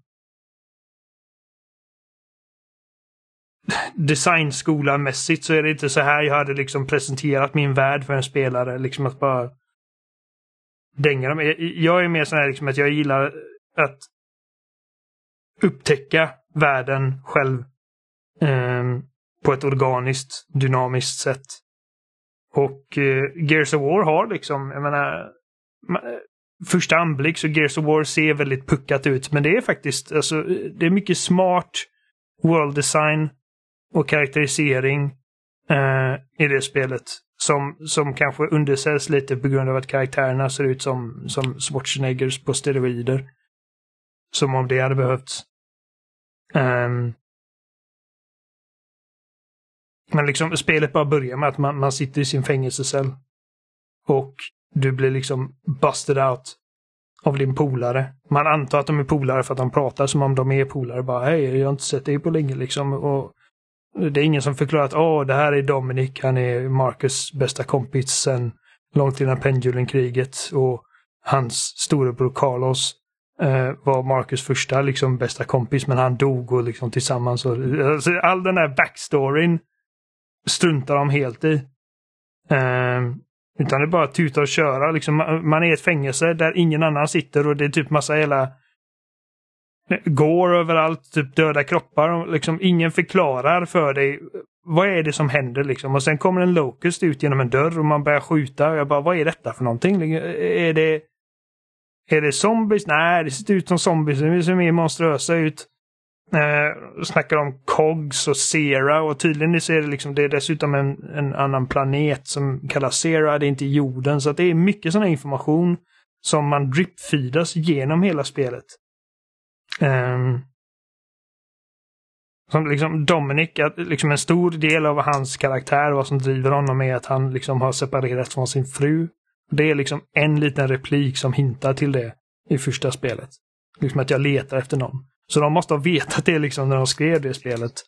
Uh, men de sparar den storylinen till nästa spel. Så att det, liksom, det är en sån naturlig uppbyggnad till de stora grejerna. Som fungerar väldigt bra. Um, och sen är det också liksom bara så här, så här med facit i hand, kolla på Gears. Uh, jag minns när jag spelade första gången. Jag vet att det var inte det första spelet som hade liksom en dedikerad cover funktion. Men det populariserade och gjorde det liksom intuitivt. Jag tror att man, man, brukar, man brukar titta på ett spel som kallas Killswitch. Eh, som liksom skaparen av det där, men jag har aldrig spelat Killswitch. Eh, men jag minns att första gången jag spelade, liksom, jag tryckte på A-knappen och Marcus bara slängde sig ner i cover. Och man kunde liksom blindskjuta över cover utan att eh, eh liksom exposa sig själv. Och jag bara, det här är det mest logiska jag någonsin gjort i en, i en shooter och jag har spelat tv-spel hela mitt liv. Um, och idag är det såklart commonplace. Um, men det bara kändes jävligt fräscht. Liksom Gears of War var en frisk fläkt när det kom. Det var dessutom det, absolut snyggaste spelet som någonsin hade gjorts för det laget. Fram till Crisis kom antar jag. Det året därpå. Um, och det bara känns fortfarande bra. Liksom det, det, jämfört med de nyare delarna så, så, så, känner man givetvis att det är lite stelare och det är liksom lite mer klankig och de här grejerna. Men, men men det fungerar jävligt bra. Det, det, det, är lätt att dra paralleller till Halo, liksom med första Halo som, som fick till en, en, en regelbok och liksom en, en, en grund. En mekanisk grund. Så perfekt vid första försöket, liksom att, att det knappt har ändrats sedan dess. Och liksom hela First Person Shooter-genren har väldigt mycket att tacka Halo för och hela Third Person Shooter-genren har väldigt mycket att tacka Gears för. Precis som Gears har mycket att tacka Resident Evil 4 för. Mm. Um,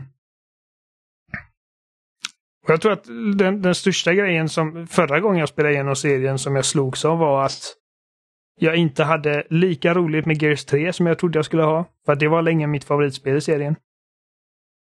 Um, och jag hade mycket roligare med Gears 4 än vad jag trodde jag skulle ha. Du. Uh, nej, den, den, kullen dör jag på. Uh, jag... Jimmy hade också mycket roligare med Gears 4 än vad han trodde att han skulle ha när vi spelade ihop. Nej, det var pest och pina från start till mål. Ljug. Eh, men alltså, många av de grejerna som, som jag stör mig på med första, första gången jag spelade. Eh, och som sagt, just nu i den här genomspelningen vi kör nu så har vi precis börjat trean så vi har inte kommit till fyran än. Jag tycker det ska bli intressant att se vad jag, vad jag känner nu. Men, ehm, men jag tycker fortfarande inte om DBs. Jag tycker att, liksom, att skjuta på robotar bara tar emot. Liksom. Jag, jag vill att när jag, när jag, när jag avlossar liksom ett helt magasin i en jättestor monsterfiende så vill jag att det ska spruta blod och köttbitar ska falla av. Jag vill inte att det ska vara... Och jag inser hur jävla psykopat man låter när man säger en sån sak. Men, men det är liksom tactile och det är... Det, det är liksom... Game... Gamified liksom respons på dina handlingar i spelet. Och, och liksom när man skjuter på en robot som inte kan känna av det där eller Vilket också låter helt sjukt. Jag kan inte känna alla kulor jag sätter i, i ansiktet på dem. Men det bara liksom sprutar eh, sparks liksom och, och, och, gnistor om dem. Och det, är, det är inte gött liksom att motorsåga genom en robotfiende. Jag bara ryser tanken liksom. Metall mot metall. Uh. Jag, vill ha, jag vill ha sågen i köttet mot, uh, liksom såga igenom, uh, vad kallar jag collarbone. Uh, Nyckelben. nyckelbenet. Och genom liksom lungorna och ut på andra sidan. Det är så jag vill ha det. Uh, så att robotarna är fortfarande trista, men, men jävlar vad, det, vad bra det känns liksom. Uh, och det var någonting som jag lärde mig ganska nyligen, som jag sa till dig igår också, i och med att när Coalition gjorde Gears Wars 4 i... Så det var första Gears-spelet i Unreal 4 och de hade ingen liksom data eller liksom uh, inga filer som kunde liksom översättas till Unreal 4 så de fick bygga om det helt från grunden. Och det känns helt sjukt liksom att ett team som aldrig gjort ett Gearspel förut eller ett nytt Gearspel förut, de gjorde Ultimate Edition och det var ju säkert många nyttiga lärdomar givetvis. Men och såklart var det Ferguson som ledde det. Men, men, men liksom att de, ett nytt team och gör sitt första originella Gearspel och, och det ändå känns så jävla Gears trots att det var helt gjort från grunden. Det hade jag aldrig gissat. Uh, och jag bara tycker om, uh, som sagt det känns asbra. De grejerna de gjorde med, med liksom att man kan dra folk över cover eller man kan mantla liksom över dem utan att tappa momentum. Många nya roliga vapen. Den bästa liksom, fordonssekvensen i ett Gearspel, även om det kanske inte, jag vet inte om det är väl gränsfall ifall man kan räkna det som fordonssekvens med mexen man får styra i slutet, men det bara känns jävligt coolt. Och Marcus är perfekt karaktäriserad i det spelet. Uh, han snor verkligen showen. Och medan jag inte tyckte om den nya liksom casten jättemycket Första gången jag spelade fyran så tyckte jag betydligt mer om dem i femman. Och då blir de liksom retroaktivt mer intressanta i fyran. På något vänster. Uh. Ja. ja. men alltså största problemet för mig i fyran var ju att det kändes ingen som tog liksom där, alltså vilket trauma mm. det var. Alltså liksom att okej okay, men vi, vi blir fria från hotet och sen så kommer det igen. Alltså det, det traumat löser ju inte igenom. Det var det jag ville liksom ha av fyran då om någonting ska hända. Eh, mm. Och det var ju mycket mer närvarande i femman. Ja, precis. Liksom att this is a big deal, liksom. det är inte något som vi bara skämtar bort.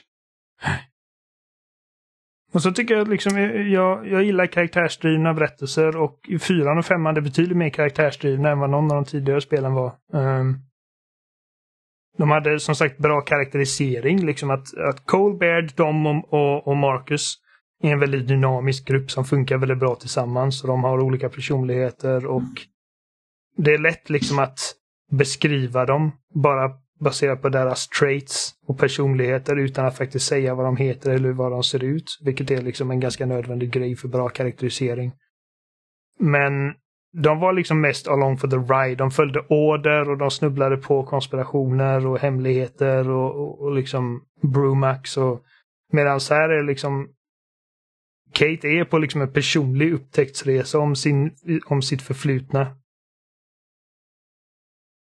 Och såklart, Marcus går igenom det lite när man får reda på liksom att hans pappa eh, hade en stor del i hela Locust-grejen, men ni förstår vad jag menar. Um, ja.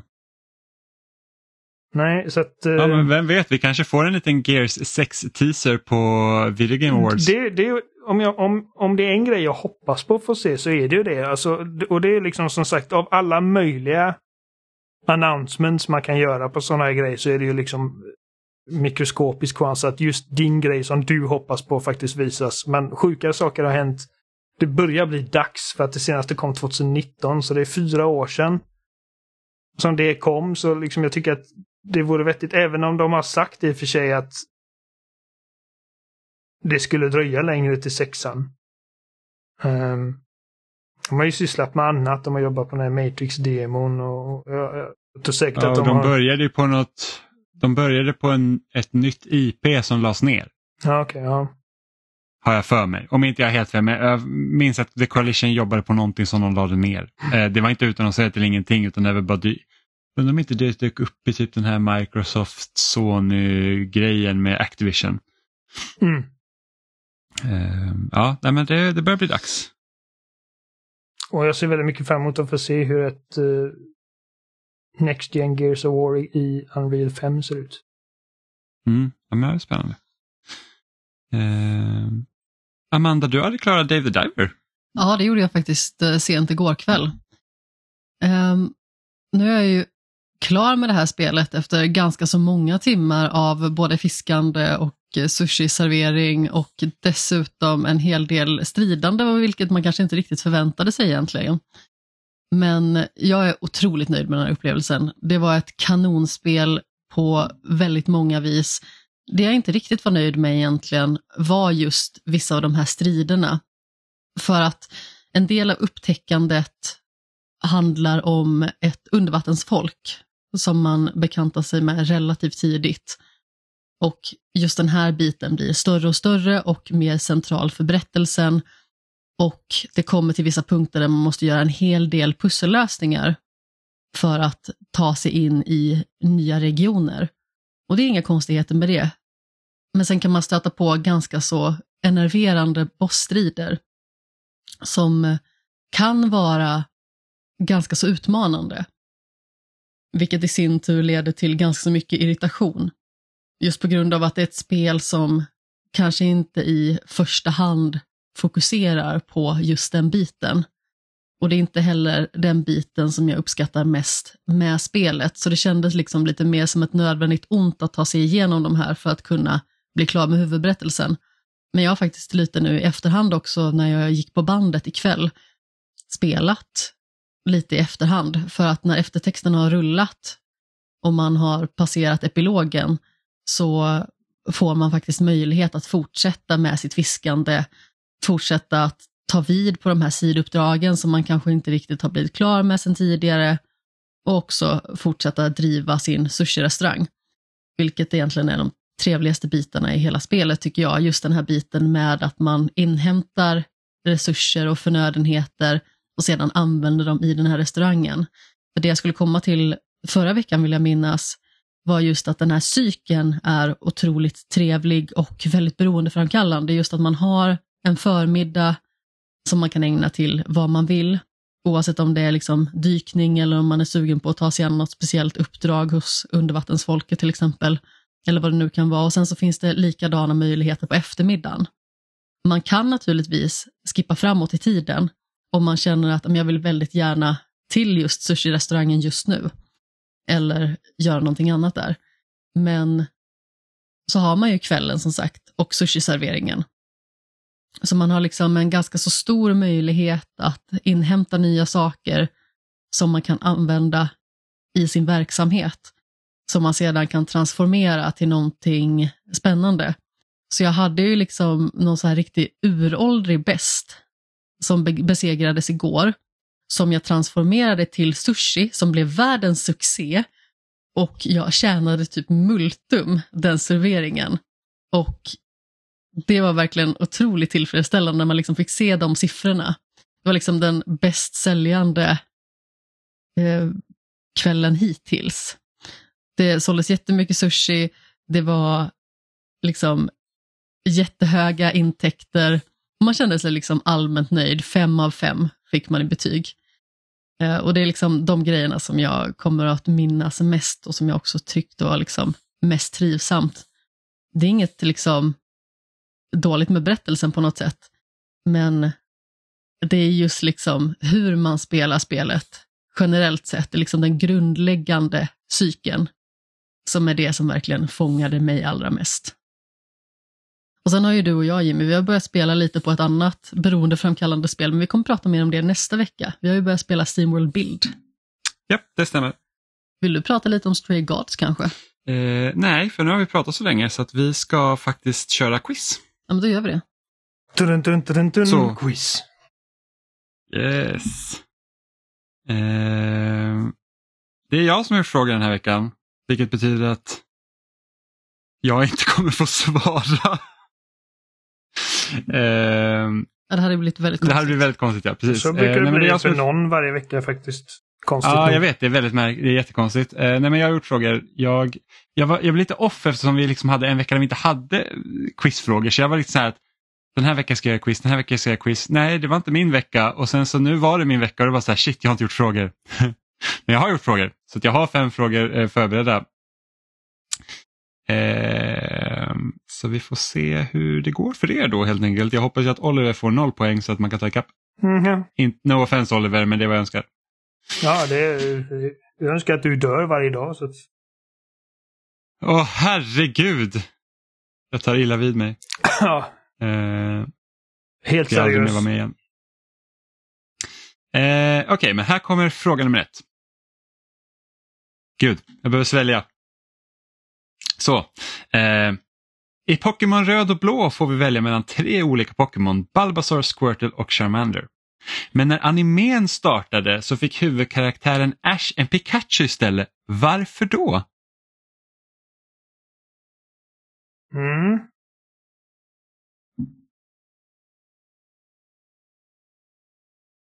Eh, jag vet.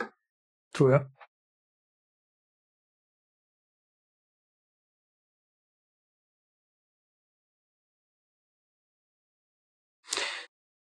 Alltså var- jag har egentligen ingen aning om det här. Så jag antar att jag bara får gissa någonting. Ja, Du har absolut. inte sett den? eller? Jag har sett den, jo. Ja, Okej, det är bara så länge sedan. Men det, det är länge sedan det var 98, Ja, jo. Ja, jo. 99. Ja, jag har inte sett Vi, kommer, du ihåg när vi, kommer du ihåg när vi började se om Pokémon Anime på TV4 Play när den fanns där? Ja, och jag precis, när var det? Typ 2000? 2012 kanske? Ja. Och jag bara, okej, det- jag tycker inte det här är roligt längre. Eh, Du, du kom till när Ash sträcker ut armarna och skrev Sparrow!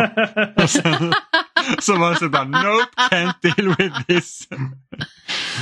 Fast du och jag ju faktiskt planerat att se om hela Pokémon Animen, Amanda. Ja, det är mest du som har planerat, men jag är också med på det. Ja, men det är bara för att jag vill verkligen se alla. Det hade varit, eh, ja det är ett åtagande, det är över tusen avsnitt. Men okej, Men vänta lite nu. I och med att Oliver verkade så säker och som att det var liksom att man får reda på det i animen.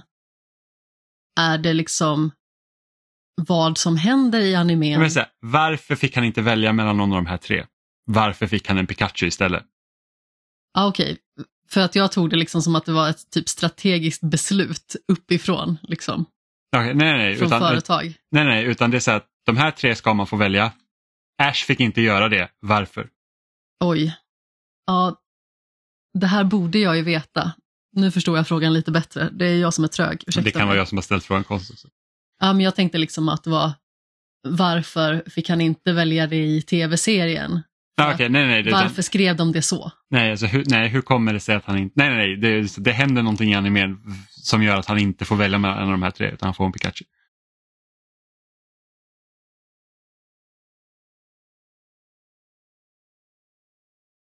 Ja, okej, alltså jag kommer inte ihåg ordentligt, men är det inte typ att han räddar Pikachu och sen så blir det en fest vid honom eller någonting sånt?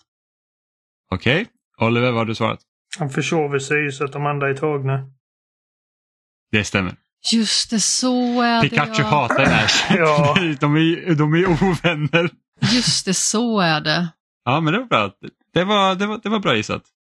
Jag fick bara liksom upp det här minnet av, det är något avsnitt när man ser typ Pikachu i sjuksängen och han är alldeles tilltygad. Ja, men det är typ då Det är de... senare Ja, det är, nej, det är då de bondar, så det är typ avsnitt två. Ja, men Det är, att, ja, det är, senare. massa sparrows som attackerar Pikachu och sen så tar- kör han typ Thunderbolt så att varenda fågel blir grillad men då är han jätteskadad redan så då springer han till Pokémon-centret med Pikachu i famnen. Just det, så är det. Det är det. Sparrow! Ja. Fråga nummer två. Sablar. Mm. Ocarina of Time fyllde nyss 25 år och titeln gjorde instrumentet ikoniskt för serien, alltså Ocarina. Men i vilket Zelda-spel dök instrumentet upp först i? Mm. Kom... Nej, jag kan inte fråga den frågan. För att då avslöjar du dig. Nej, jag... Ja, jag har en gissning i alla fall.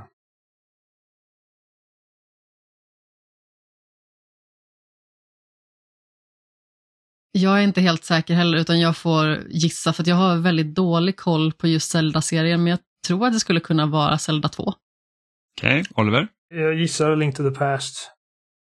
A Link to the Past är korrekt. Skit. Men inte en dålig gissning. Det var bara fel spel. Jag tänkte, exakt. det skulle kunna vara Link's Awakening. Tänkte jag, men, men... Men det kanske inte är Link's Awakening. Så, Men jag tänkte för att Zelda 2 är ett så himla udda spel och har väldigt mycket märkliga idéer, så jag tänkte att det skulle kunna vara där den har kommit upp från ingenstans. Mm. Mm. Kommer vi till fråga nummer tre. Och på tal om Ocarinan. Hur många Zelda-spel har instrumentet dykt upp i? Åh oh, gud. Och ni behöver bara kunna siffran. Ja. Uh... Du tycker att min fiskfråga är orimlig. Ja. Bonuspoäng om ni kan nämna spelen. Nej, det tänker jag inte. Nej, ni får, ni får inte bonuspoäng men det, det, det är jävligt nice om ni kan göra det. Alltså. Och då räknar du med alla typ spin-offs och sånt också? Nej, nej, nej, utan huvudserien. Alltså, det, det måste heta The Legend of Zelda. och sen någon undertitel. Så det är liksom, för att det finns typ en trofé i Super Smash Bros så räknas inte. Och jag pratar heller inte om Ocarina of Time, jag pratar om Ocarina som instrument. Ja, precis.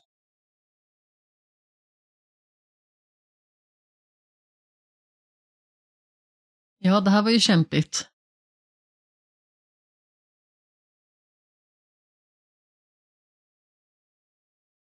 Um, ja, alltså det är an antingen...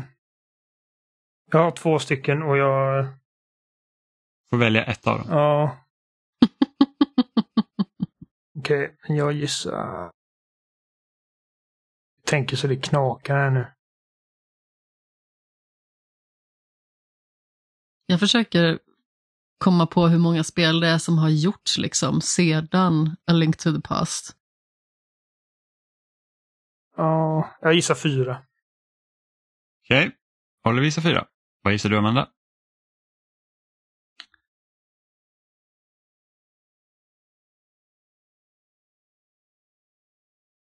Jag gissar fem. Okej, okay. rätt svar är fem. Oh! Vet ni vilka spel det är? A Link to the Past, yes. Ocarina of Time. Yes. Det var det. Majora's Mask. All... yes. Är det båda Oracles-spelen då? Nej. Är det, är det ett av dem? Nej. Okej, okay, då är Link's Awakening. Yes. Ett till. Fanns inte i Twilight Princess. Wind Waker? Nej. Nej. Wind Waker hade ju ett di dirigentpinnen. Ja, just det. Är det någon av DS-spelen, typ Spirit Tracks eller? Nej. Okej, okay, då vet jag inte. Men du, Minish Cap. Minish Cap. Ja. Ja, men det var, det var, det var bra gissat Amanda. Ja. Yeah. Eh, Tack. Fråga nummer fyra. Ett annat spel som precis fyllde 25 är Grim Fandango där vi får välja Manny Calavera som skördeman men som i spelet har en annan titel än just Reaper. Vad är Mannys jobbtitel? Jag kommer ihåg för några år sedan när jag fick för mig att jag på vita skulle försöka ta Platinum-trofén i Grim Fandango när jag aldrig har spelat det tidigare och försökte liksom i stort sett att via guide ta mig igenom det här. Och det var kämpigt. Och för att specificera nu, så det är hans första jobbtitel. Han byter jobb i spelet. Men det här är vad, vad har han liksom när man börjar spelet? Jag, jag har aldrig spelat detta. Uh, så jag, jag, jag, kan bara en av dem. Um,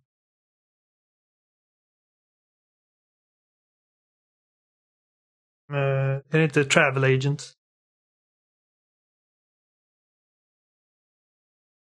Är det din gissning? Ja. Mm. Ska Amanda gissa?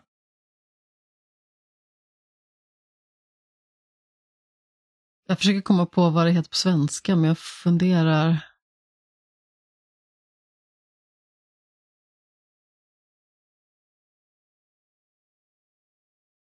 Men jag har för mig att det är någonting sånt, typ reseguide eller någonting sånt. Är det ditt svar? Ja. Jag ger er båda rätt. Nice. Jag skrev, res, jag skrev reseagent men det är bara en rak översättning på travel agent. Ah, okay. Och för att vara helt eh, var han, var, Travel Agent of Death. Men jag ger er båda rätt. Bra jobbat, den hade inte jag kunnat. Uh, fråga nummer fem. The Game Award som går av stapeln i veckan har redan hunnit bli över tio år gammalt. Men vilket spel vann årets spel vid första upplagan? Wow. Nej. Vilket år var första upplaga? Kan du säga 2014. det? Uh, Dragon Age Inquisition. Vilket spel kan det ha varit? Gissar jag.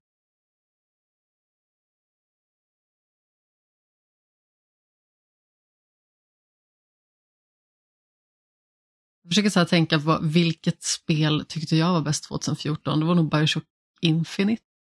Kom det 2014? 2013. Kom det 2013? Just 2014 det. var inte ett jättebra år. Nej, just det. Mitt, mitt favoritspel i året var Alien Isolation. Ja, eh, Tobbe, vår kära vän, lyckades kuppa in det mer eller mindre som etta på svamprikets lista genom att eh, i stort sett inte säga nästan någonting och hoppas att ingen annan skulle lyfta spelet under hela snacket så att han sedan skulle kunna fila in det. Så Nino Kuni måste väl ha kommit det året? Mm, nej, Nino Kuni var 2012 eller 2013 tror jag. Kom det också då? Då var det värst. Dåligt minne har man. Det skulle nog kunna vara Dragon Age Inquisition. Är det ditt svar? Ah, ja. Och det är rätt, det är Dragon Age Inquisition. Nice. Det är också en sån spel som kom väldigt högt upp på många listor men som sedan känns det som att det har sågats ganska så mycket. Alltså jag, gillar, jag gillar Dragon Age Inquisition väldigt mycket. Men för, för jag minns att det var liksom ganska så mycket snack om det och ganska så mycket positivt om det i början men sen när folk pratar om det nu. Ja, men det lider lite så av... Så känns det som att det liksom får ganska så mycket skit. Det lider lite av samma problem som många open world-spel lider av. Det är liksom mycket uh, tråkiga sidequests, springa bara fram och tillbaka. Men bra jobbat, ni fick ni jättemycket poäng båda två. Oliver, du satte alla? Eh... Nej, du missade en. Ja. Jag satte inte den där jag satte femman. Ocarinen. Så mm. Amanda ligger nu på 24. Ja, precis. Du låg på 21 i början, så nu har du 24. Jimmy har 22 och jag har 30. Uh, nästa vecka är sista quiz, uh, quizet för år. Uh, för sen är det, veckan efter det är det årets spel och sen så vet jag inte om vi har paus och sen är det spelmusik och sen är det nytt år. Så. Och sen var det hela igång. Precis. Så kul. Oliver kommer ju vinna tror inte att någon av oss kan ta ikapp. Nej, det blir kämpigt. Mm, kul. Oliver kommer ha så här helt omöjliga frågor för att han själv ska vinna. Ja, precis. bara, ah, vad, är, vad är det för färg på Marios lilltånagel äh, i Mario Paint? Eftersom att ni inte kan komma ikapp så, så eh, har jag ingen anledning att göra det extra svårt. Jag vill ju briljera. uh, kul. Men i alla fall, nästa vecka kommer jag massor att snacka om för att The Game Awards går jag av stapeln den här veckan. Och GTA-trailern kommer visas imorgon från när vi spelar in. Ja. Så det var något som inte hann med. Alltså jag övervägde bara så här, ska vi spela in på tisdag istället? Det var typ det jag så att, det, att nu kommer trailern vara 24 timmar gammal när, vi, när det här avsnittet släpps. Och alla kommer Men... ha det på hjärnan och vi har inget att säga om det.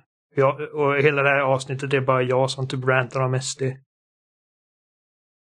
Ja, för jävligt det. SD alltså. Eh, ja.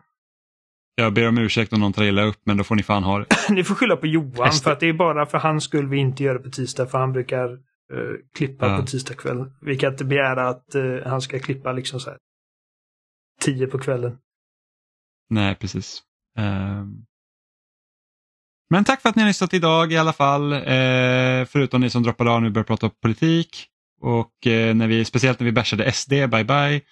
Eh, ni hittar oss som vanligt på spelsnack.com. Där finns också alla länkar till där vi finns som Facebook, eh, Twitter, Youtube, Apple Podcast, Spotify, RSS-flöden. Vi finns överallt helt enkelt.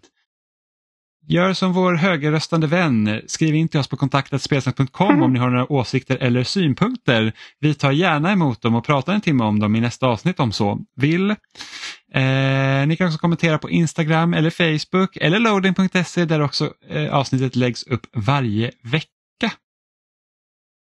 Så hörs vi igen nästa vecka. Hej då! Puss i Hej då Simon!